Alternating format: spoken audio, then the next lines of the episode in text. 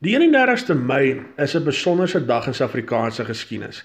Dit maak nie saak wie tans regeer of nog gaan regeer of het al regeer nie. Mens kan nie die gebeurtenisse van 31 Mei sommer net so uitvee asof niks op daai spesifieke dag op vier verskillende in vier verskillende jare nie gebeur het nie. En ek dink as 'n mens nou regtig mooi die gebeurtenisse wil kyk, kan 'n mens seker vir ure daaroor gesels. Maar mense kan ook sommer so 'n nederdop net kortliks verduidelik wat op daai spesifieke jare gebeur het op daai spesifieke dag van 31 Mei. En sodoende kan 'n mens seker maar stil staan by 31 Mei 1902. En ek dink dis nogal redelik wyd bekend oor wat op daardie dag gebeur het op Saterdag 31 Mei 1902. Sommige so oor 'n naweek. En dit is die dag toe die verdrag van vereniging wat later bekend geword het as die Vrede van Vereniging tussen die Britse Ryk en verteenwoordigers van die Boererepublieke in Melrose House in Pretoria geteken is. Men sien reeds op die 4de Maart 1902 het ou Lord Kitchener, die hoofbevelvoerder van die Britse magte, reeds 'n aide memoire aan Skalk Willem Burger gestuur wat teen daai tyd die weet nou soms nou sê die verteenwoordigende staatspresident was of weet die tydelike een was aan uh, President Kreef was natuurlik in Europa. En daai aide memoire het aan president Burger gesê, "Luister kerel, ons moet hierdie hierdie konflik moet nou stop. Ons die stryd moet beëindig word. Ons moet gesels." Nou 'n vredesluiting kan jy nie sommer net so oornag gebeur nie. Dit dit vat nogal redelik weet 'n reeks onderhandelings. En so in Mei 1902 het 60 verteenwoordigers van die boerekommandos by vereniging gekom en saamgesels in die tent van samekoms om te om te gesels oor die vredes vredesonderhandelinge tussen die Boererepubliek en die Britse Ryk. En op die ou einde moes hulle net sê ja of nee, stem hulle saam, ons moet nou die wapen neerlê of weet hulle sê nee, kom ons hou aan beklei tot die Britte die dag letterlik keelvol is. Wel kom ons kom ons maak die storie bietjie vinniger en kyk maar vir wie wat gestem sal dit nie glo nie, maar 54 van daai boere verteenwoordigers het gestem vir ja, kom ons beëindig dit. En net 6, 3 uit die Transvaal en 3 uit die Vrystaat het gesê nee, ons kan aanhou beklei. En so deur die strek van Mei 1902 was daar verskillende weergawe oor wat die vredesonderhandelinge se stipulasies kon wees. Op die ou einde het generaal JBM Hertzog en Kitchener se regsverteenwoordiger Richard Solomon 'n konsepvoorstel opgestel wat toe na Londen toe gestuur is en teen die 28ste Mei het die Britse regering Londen toe teruggestuur en gesê luister hier is ons veranderinge aan die konsepvoorstel. Die boere het tot die einde van Mei om te besluit as hulle nou daarmee gaan saamstem of nie. En van die 29ste Mei tot en met die 31ste Mei het daai 60 boere verteenwoordigers, ek dink nogal redelik uh harde woorde met mekaar gedeel. President MT MT Steyn was ernstig siek en hy kon toe nie deelneem so, so lank soos hy wou nie en toe is generaal De Wet in sy plek beëdig as die Vrystaatse president. Maar dit het nogal redelik lang ure se gesprek gehad in daai tent van samekoms totdat daarna besluit is goed. Stuur 10 verteenwoordigers na Melrose huis. Ons kan nou niks anders doen nie. Hier is die bepalinge waar ons nou mee sal saamstem of die voorwaardes van die ooreenkoms waarmee ons sal saamstem en dit word toegeteken net voor 11 die aand op 31 Mei 1902. Nou wie het dit geonderteken? Die Britse ryk was verteenwoordig deur Lord Milner, Lord Alfred Milner. Ja, dis nou dieselfde persoon wie uh, se naam nou gekonnekteer word met daai interessante hotel in Matjiesfontein. En hy was natuurlik die hoofkommissaris daar in die Kaapkolonie gewees, maar natuurlik ook met bevalvoerende regte oor die uh, Transvaal en Oranje rivier kolonie. En die Britse ryk was ook verteenwoordig deur Horatio Kitchener, die opperbevelvoerder van die Britse leer in Suid-Afrika. En as 'n mens kyk na die geskandeerde weergawe van die oorspronklike manuskrip, is dit nogal interessant om te sien hoe hierdie twee Britse verteenwoordigers hulle name neergeskryf het. Weet ou Milner het sommer net vinnig geskribbel, Milner, asof hy nou gejaagd was, asof hy nou net wil aframmel en klaar kry. En Kitchener Maak toe seker hy teken Kitchener van Khartoum sodat almal weet dis hy, die groot Britse held van die slag van Khartoum daar in Sudan wat hier geteken het. Sal nie teken Horatio Kitchener nie. Nee, glad nie. Nee, hy moet teken Kitchener of Khartoum natuurlik en die Suid-Afrikaanse Republiek of die Transvaal, daar wie geteken het was die waarnemende staatspresident Skalk Willem Burger, die kommandant-generaal Louis Botha, generaal Jacobus Hercules de la Rey, generaal Lucas Johannes Meyer en natuurlik ook meneer J.C. Krog wat eens op 'n tyd is die ko-kommissaris van Swaziland was vir die Transvaalse Republiek. En ook ten laaste staatssekretaris Francis William Reitz, Denise Reitz se pa en Francis William Reitz was eens ook op 'n tyd die president van die Oranje Vrystaat. Maar net voordat hy geteken het, toe het ou Francis William Reitz opgestaan en gesê ek teken nou maar net in nie my persoonlike hoedanigheid nie, maar as die staatssekretaris van die Transvaal. Die Oranje Vrystaat was verteenwoordig deur hoofkommandant en waarnemende staatspresident Christian Rudolph de Wet, CR de Wet, en hy is ook 'n ondertekenaar saam met generaal James Barry Munich Hertzog wat later eerste minister sal word, generaal CH Olivier en ook die waarnemende goewermentssekretaris WJC Brepner. Nou wat wat hierdie hierdie ooreenkoms, wat was die bepalinge? Die 11 bepalinge kortliks is die volgende. Nommer 1: Alle vegtende boere van beide republieke moes hulself oorgee. Alle vegtende boere se wapens word gekonfiskeer. Die derde stipulasie het gesê elkeen moes loyaliteit teenoor die kroon sweer, natuurlik die Britse kroon. Nommer 4: Geen doodstraf sou opgelê word nie. Nommer 5: 'n algemene amnestie sou geld. Nommer 6: Die gebruik van Nederlands sou in skole en geregshowe toegelaat word. Nommer 7: Selfregering sou uiteindelik aan die Transvaal en die Oranje Vrystaat toegeken word en dit was toe ook so in 1906 en 1907 onderskeidelik. Nommer 8: 'n bedrag van 3 miljoen pond sou aan die boere betaal word vir heropbouing. Nommer 9: Eiendomsregte van die boere sou gerespekteer word. Nommer 10: Geen grondbelasting sou geld nie en nommer 11: Geregistreerde privaat wapens sou toegelaat word. Jong, dis nou sekerlik nie uh hoe sou mens nou sê 'n deal wat hulle nou nie uh ten goeie was vir die boere nie en dit was toe nou geteken op uh, eh, 31 Mei 1902 in Melrose House maar dit was nou maar 'n bittere ervaring gewees. Dis nogal interessant om om te verneem van vers, vers, verskillende sekondêre bronne wat sê dat nadat hulle nadat die boereverteenwoordigers geteken het, toe het hulle nou maar na die stoep toe gestap en toe nou maar daar hulle pype aangesteek en so waar is wragtig Hakom Kitchener en sê vir hulle we are friends now Jong, ek weet nie wat 'n mens seker daar vir die knaap kon sê nie, maar dit was nou nie welkomend ondervind nie. En is nog interessant om daar te gaan besoek af lê by Melrose huis om te kan sien waar in daai huis en watter kamer en, en op watter tafel het hierdie belangrike vredesverdrag die die handtekening gekry wat 'n impak nog steeds in Suid-Afrika vandag het. Verkeersboetes behels meer as 'n klein ongerief met minimale gevolge. Jy kan 'n kriminele rekord kry of probleme teekom as jy jou rybewys of motorlisensie hernie en die metropolisie kan jou by padplakkades lastigval om die boetes te betaal. Fines for you vir minder moeite met verkeersboetes deur hul te monitor en vinnig, wettelik en effektief af te handel sodat jy nie die ongewenste gevolge hoef te dra nie. Ons spesialiseer in groot vlote en streef daarna om jou geld te bespaar. Kontak ons gerus op 011 867 7331 of besoek ons webtuiste by www.finds4u.co.za.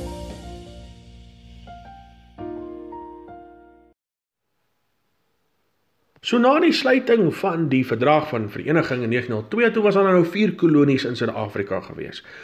Die Kaap te Goeie Hoop, Natal, Transvaal en Oranje rivier kolonie.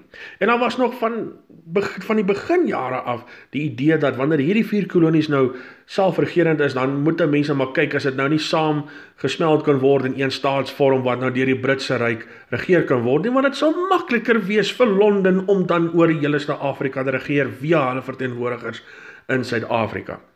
Maar nou goed, uh daai idee was ook ondersteun deur verskillende politieke en ekonomiese drukgroepe. Ek dink nogal mense moet 'n pleintjie gee aan die Bambata rebellie dat wat die Natalse kolonie ook wakker laat skrik het oor hoe dit kan wees as uh mense nou nie jou susters kolonies moet smeek vir militêre help nie. So die idee hier na 1907 was ons moet nogal redelik kyk uh as dit nou moontlik sal wees om hierdie vier kolonies in een te maak. Maar nou die vraag is, hoe gaan mense dit doen? Moet dit nou 'n uh, federasie wees of 'n unie wees? Nou as 'n federalis, ek, ek steek bietjie my kop hier onder die lem, kan ek nog wel sien federasie sal werk en die enigste kolonie wat blykbaar dit geondersteun het was Natal en ek glo ook daar was ook ondersteuners onder die Kaapse verteenwoordigers gewees maar die Oranje rivier kolonie en Transvaal wou Unie hê en ek dink ook daar was natuurlik ook van hulle ondersteuners in die Kaap ook maar dit maak seker sin ekonomies maak dit sin en seker vir die uh, persoon wat die politieke leier van van so 'n unie sou wees, sou die voorreg hê om te regeer van Beitbrug tot by Kaap en Goa. 'n Groot landstreek is enigiemand van sy vorige uh weet vir voor voor enigiemand wat voor hom of haar Suid-Afrika regeer het. So die vraag was federasie of unie en toe was daar nou besluit om daaroor te debatteer in verskillende vergaderings en hierdie vergaderings dink ek staan kollektief bekend as die nasionale konvensie alhoewel in die geskiedenishandboeke word die laaste in Bloemfontein nou gesien as die nasionale konvensie van 1909. En ja die nasionale konvensie van 1909 uh, was nou nie 'n vergadering gewees waar alle Suid-Afrikaners nou betrokke kon wees nie. Onthou dit kom uit die tyd van segregasie uit en daar was ook natuurlik kwessies gewees in opsigte van verskillende regte vir verskillende rasse. So 'n mens moet natuurlik historiese konteks verstaan. En daar was toe nou maar besluit op daai nasionale konvensie dat dit 'n unie moet wees, maar daar was ook ander gesprekspunte gewees wat die nasionale konvensielede moes uitstryk daartussen hulle. Die, taalkwessie was nogal redelike interessante punt geweest en generaal JB Hertzog kort daar nogal die krediet dat hy dit reg gekry het dat Nederlands en uh, Engels beide gesien sou word as amptelike tale en natuurlik van 1925 is dit nou nie meer Nederlands nie maar Afrikaans. En die ander kwessie van die hoofstad en dis nogal vir my interessante uh, debat daar ook. Ek weet die ouens was bekommerd oor waar sou hierdie Unie van Suid-Afrika se hoofstad moet wees. En lede het gesê, "Nee man, dit moet dit moet Pretoria wees." En ander het gesê, "Nee, dit moet Bloemfontein wees want hy's in die middel van Suid-Afrika." Ander het gesê, "Nee man, dit moet die dit moet Kaapstad wees, die susterstad." Ons het reeds 'n politieke uh, ons het reeds 'n parlement, ons het reeds 'n groot politieke uh ambiance hierso in in Kaapstad. Dit moet hier by ons wees. En nou Natal het ook sy vingertjie opgesteek en sê wat van Pieter Maritzburg. En toe was hulle nou besluit, goed, kom ons uh help maar ons mekaar uit sover ons kan. Kom ons hê nou drie hoofstede. Ons het nou Kaapstad waar die parlement gesetel is, ons het vir Pretoria waar die administratiewe setel is en natuurlik Bloemfontein wat nou die uh, setel sou wees vir die appelhof. So mense kan sien as die wetgewende uh, hoofstad. En arme Piet maar Pieter Maritzburg wat sou hy nou kry? Wel, hy het nou 'n bietjie kompensasie gekry omdat hy nou nie gekies omdat die stad nou nie gekies is uh as een van die hoofstede van Suid-Afrika nie, maar natuurlik nog steeds sou voortgaan as die hoofstad van die Natal provinsie. So toe was daar 'n besluit om die Unie van Suid-Afrika amptelik te begin op 31 Mei 1910. En daai dag was sommer nou net so ge, weet hoe sou mens sê liekraak gekies nie. Dit was spesifiek gekies. Daar was nog baie seer gewees van die aangebore oorlog. Daar was nog baie ongelukkigheid na die sluit van die verdrag van vereniging. En om dit nou simbolies aan te dui dat boer en Brit gaan nou saam in Suid-Afrika regeer om die land op te bou, kom ons gebruik die dag van Britse oorwinning en die dag van boere verdriet om nou 'n nuwe begin te te te maak. En sodoende is die Unie nou ge, geopen op 31 eh, Mei 1910 gestig op 31 Mei 1910 En toe in September 1910 is daar nou 'n amptelike verkiesing om nou die interim regering uh nou daar jy weet of heeltemal amptelik te maak indien die persoon nou ingestem is om nou deel te wees van die eerste amptelike regering van die Unie. So mense kan sien die Unie is gestig op 31 Mei, maar sy eerste amptelike regering het eers hier in die verkiesing na September 1910 gebeur. Nou wie moes hierdie Unie lei? Wel daar was twee hoofkandidate, of John H Merriman van die Kaap wat nogal nie 'n slegte keuse sou gewees het nie. Jy weet hy het vir Cecil John Rhodes uh, baie harde dae in die Kaapse parlement gegee in die laat 19de eeu en natuurlik generaal Louis Botha was die ander moontlike kandidaat. En Botha was uh redelik populêr gewees in Suid-Afrika en hy het ook aandag getrek in Londen. So toe is dit nou besluit dat hy die eerste minister van die ehm uh, Unie sou wees, die heel eerste eerste minister van die Unie van Suid-Afrika sou wees en hy was tot dan teen daai tyd alreeds die eerste minister van die Transvaalse kolonie. Interessant genoeg, eh uh, die September 1910 verkiesing, toe hy nou nie sy kiesafdeling Pretoria Oos gewen nie, was nogal redelik bietjie verneder daardeur. Maar toe was vir hom die kiesafdeling Losberg gegee. Ek dink dis gesettel tussen Potchefstroom en Carletonville sodat hy nog steeds 'n uh, kiesafdeling kon hê wat nou waarvoor hy nou kan verteenwoordig ehm um, al is hy die eerste minister in die in die Unie se parlement. So 31 Mei 1910, presies 110 jaar gelede hierdie jaar, was die Unie van Suid-Afrika toe gestig.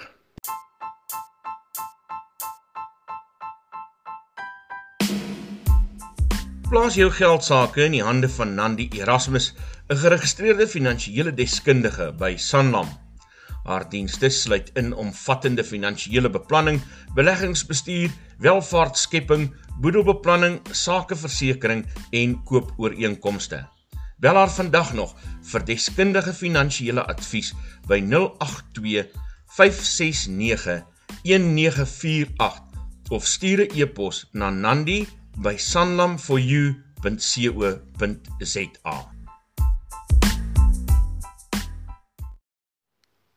Nou 31 Mei 1928 is dalk nou nie so bekend soos wat gebeur het in 1902 of 1910 nie.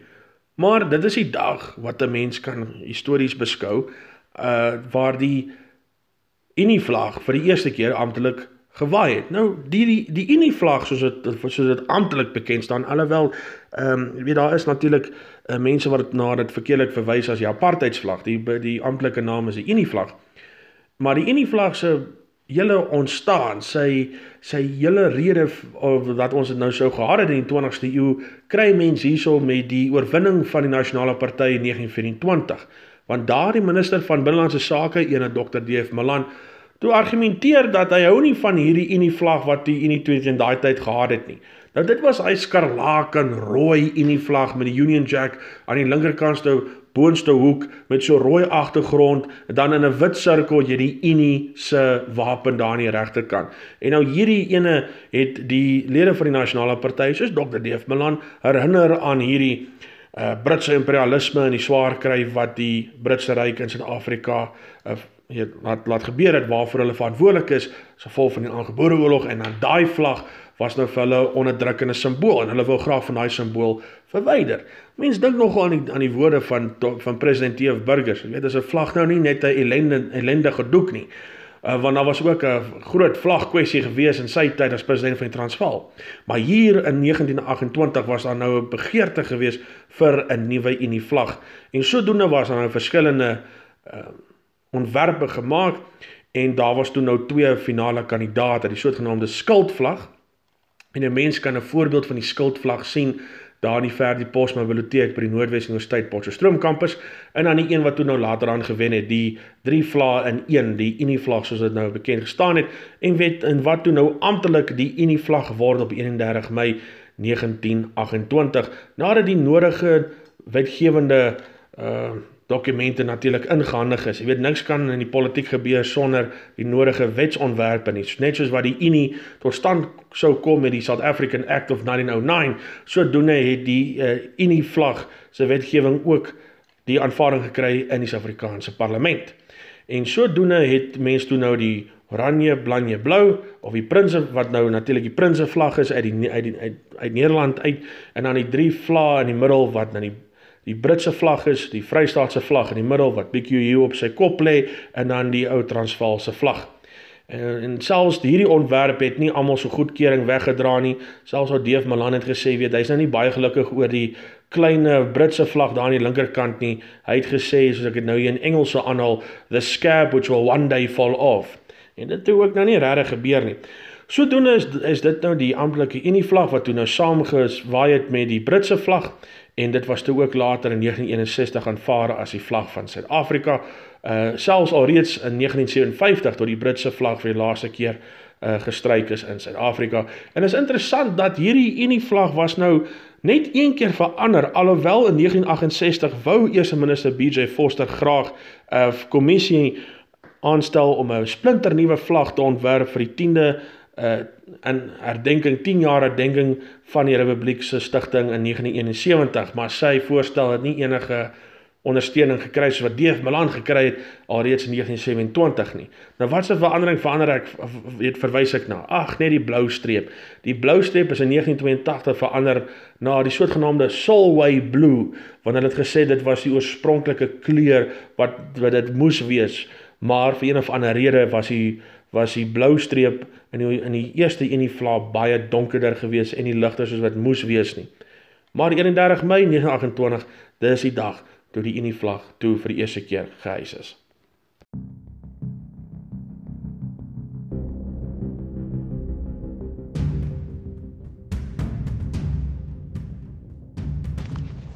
Krisistye vra krisisbesluite en krisisbesluite moet lei tot oplossings binne 'n tyd van opdraandes en uitdagings.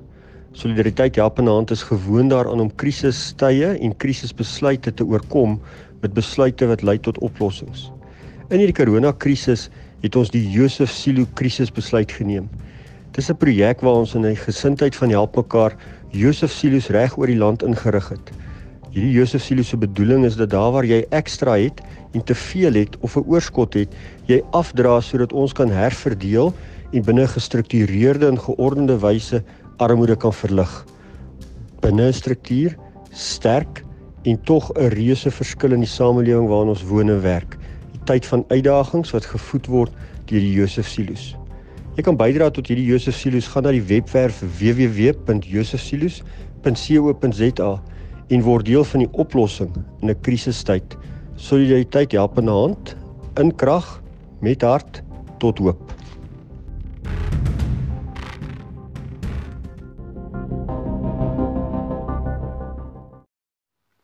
En so ten slotte 31 Mei 1961 is sekerlik die bekendste 31 Mei van al die verskillende jare se 31 Mei wat ons nou so in die opname bespreek het want dis die dag toe die Unie 'n republiek geword het. Nou hoe op dese aarde het dit gebeur? Hoe gaan jy van Unie tot na republiek? Ou bro, dis nie net sommer 'n knoppie druk en daar is jy nou 'n republiek nie. Want die debat oor moet Suid-Afrika onafhanklikheid kry van die Britse ryk en kan Suid-Afrika dit op, op weet as 'n land dit op hulle eie doen het oor die strek van 4 dekades al hoe meer belangriker geword. So teen die tyd toe dokter Verwoerd die ene eerste minister word, toe was daar reeds 'n brandende kwessie gewees. Want natuurlik was daar ander lande gewees wat onafhanklikheid kon kry, nog steeds kon deel kon wees van die Britse Statebond. Goeie voorbeeld is Indië, dalk selfs Ghana. So hoekom kon Suid-Afrika nie ook dan 'n republiek wees binne die staatsbond nie? En hoekom uh, en en en hoekom moes dit nou Unie bly? Maar nou natuurlik, jy kan nie nou net sommer die besluit op jou eie maak as staatshoof nie. Jy moet natuurlik kyk as die stemgeregtig is daaroor sal saamstem en vir daardie rede is 'n referendum ingestel. En op die 5de Oktober 1960 toe is die referendum gehou. Nou 'n referendum soos wat almal weet, is daai soort van verkiesing waar jy nou nie sal kies uh wie is nou uh, die persoon wat die land moet lei nie. So jy kies nou nie vir 'n party of 'n kandidaat nie. Jy moet nou jy moet nou sê, jy moet nou aantoon stem jy ja of nee, stem jy saam of nie op die spesifieke vraag wat nou daar op die stembrief staan.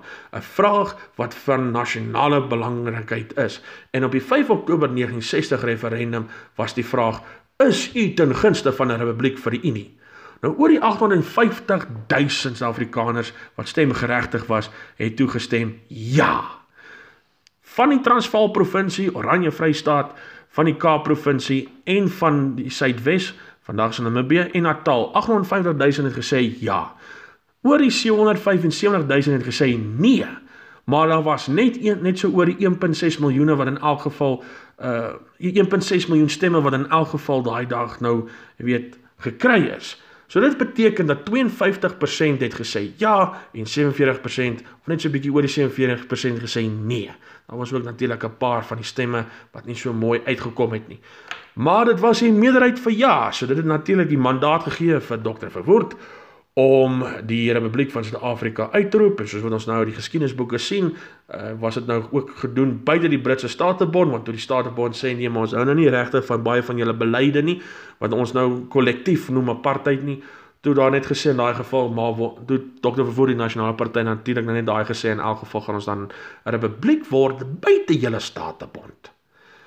En 31 Mei 1961 is toe daar 'n groot makiti Uh toe was die eerste staatspresident uh advokaat C.R. Swart toe nou hy's toe nou beëdig as die eerste staatspresident in plek van natuurlik die posisie van goewerneur-generaal en hy was juis ook die laaste goewerneur-generaal gewees.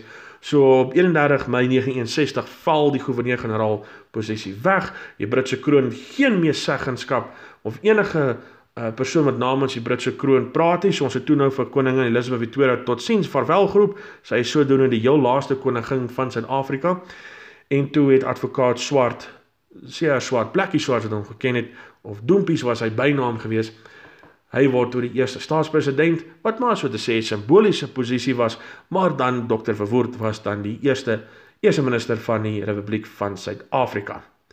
En sodoende was Republiekdag elke dag gevier en alhoewel dit nie nou daarmee gevier word nie, is dit nog steeds in die geskiedkundige boeke neergeskryf en in die kollektiewe geheue van Suid-Afrikaanse burgers juis van Suid-Afrikaanse uh, senior burgers wat ons sekerlik daai dag nog beleef het. Interessant om te merk dat dit die Natal provinsie waar die die, die, die daar in die referendum van 1960 was die nee stemme in die Natal provinsie hoër gewees as die ja stemme, maar in die ander provinsies en dan ook natuurlik Suidwes was daar baie meer ja stemme gewees. Maar die referendums het toe nie net daar opgedroog nie soos wat baie van ons burgers weet, daar was 'n paar referendums daarna ook gewees wat natuurlik Suid-Afrika se politieke stelsels permanent verander het. Soos hierdie een in 1960 wat op 31 Mei die Unie van Suid-Afrika tot niet gemaak het en sodoende die Republiek van Suid-Afrika ingeroep het.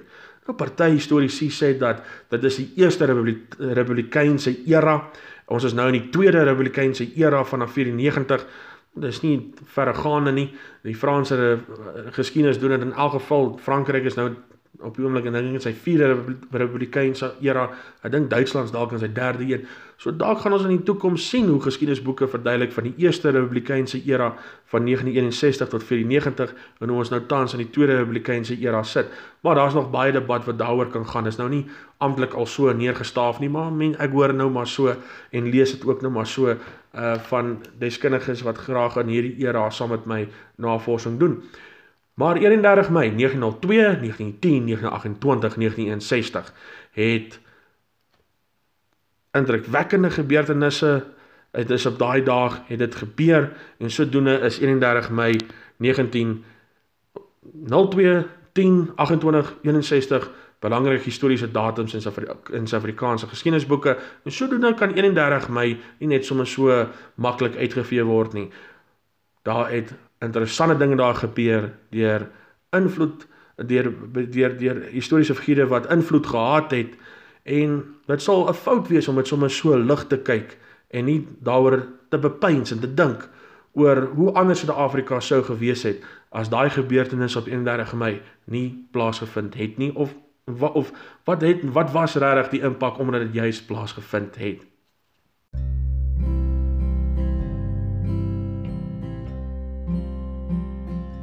Country Meat Linden verkoop nie net vleis nie, hulle is gek oor vleis. Daarom kan jy hulle vertrou vir gehalte vleisprodukte soos beesdroewors teen R199.95 per kilogram. 2 kg pakke beesmaalvleis teen R74.95 en lamschops teen R189.95 per kilogram. Bel 011 888 0201 of Uber Eats om jou vleis tydens die inperking te laat aflewer.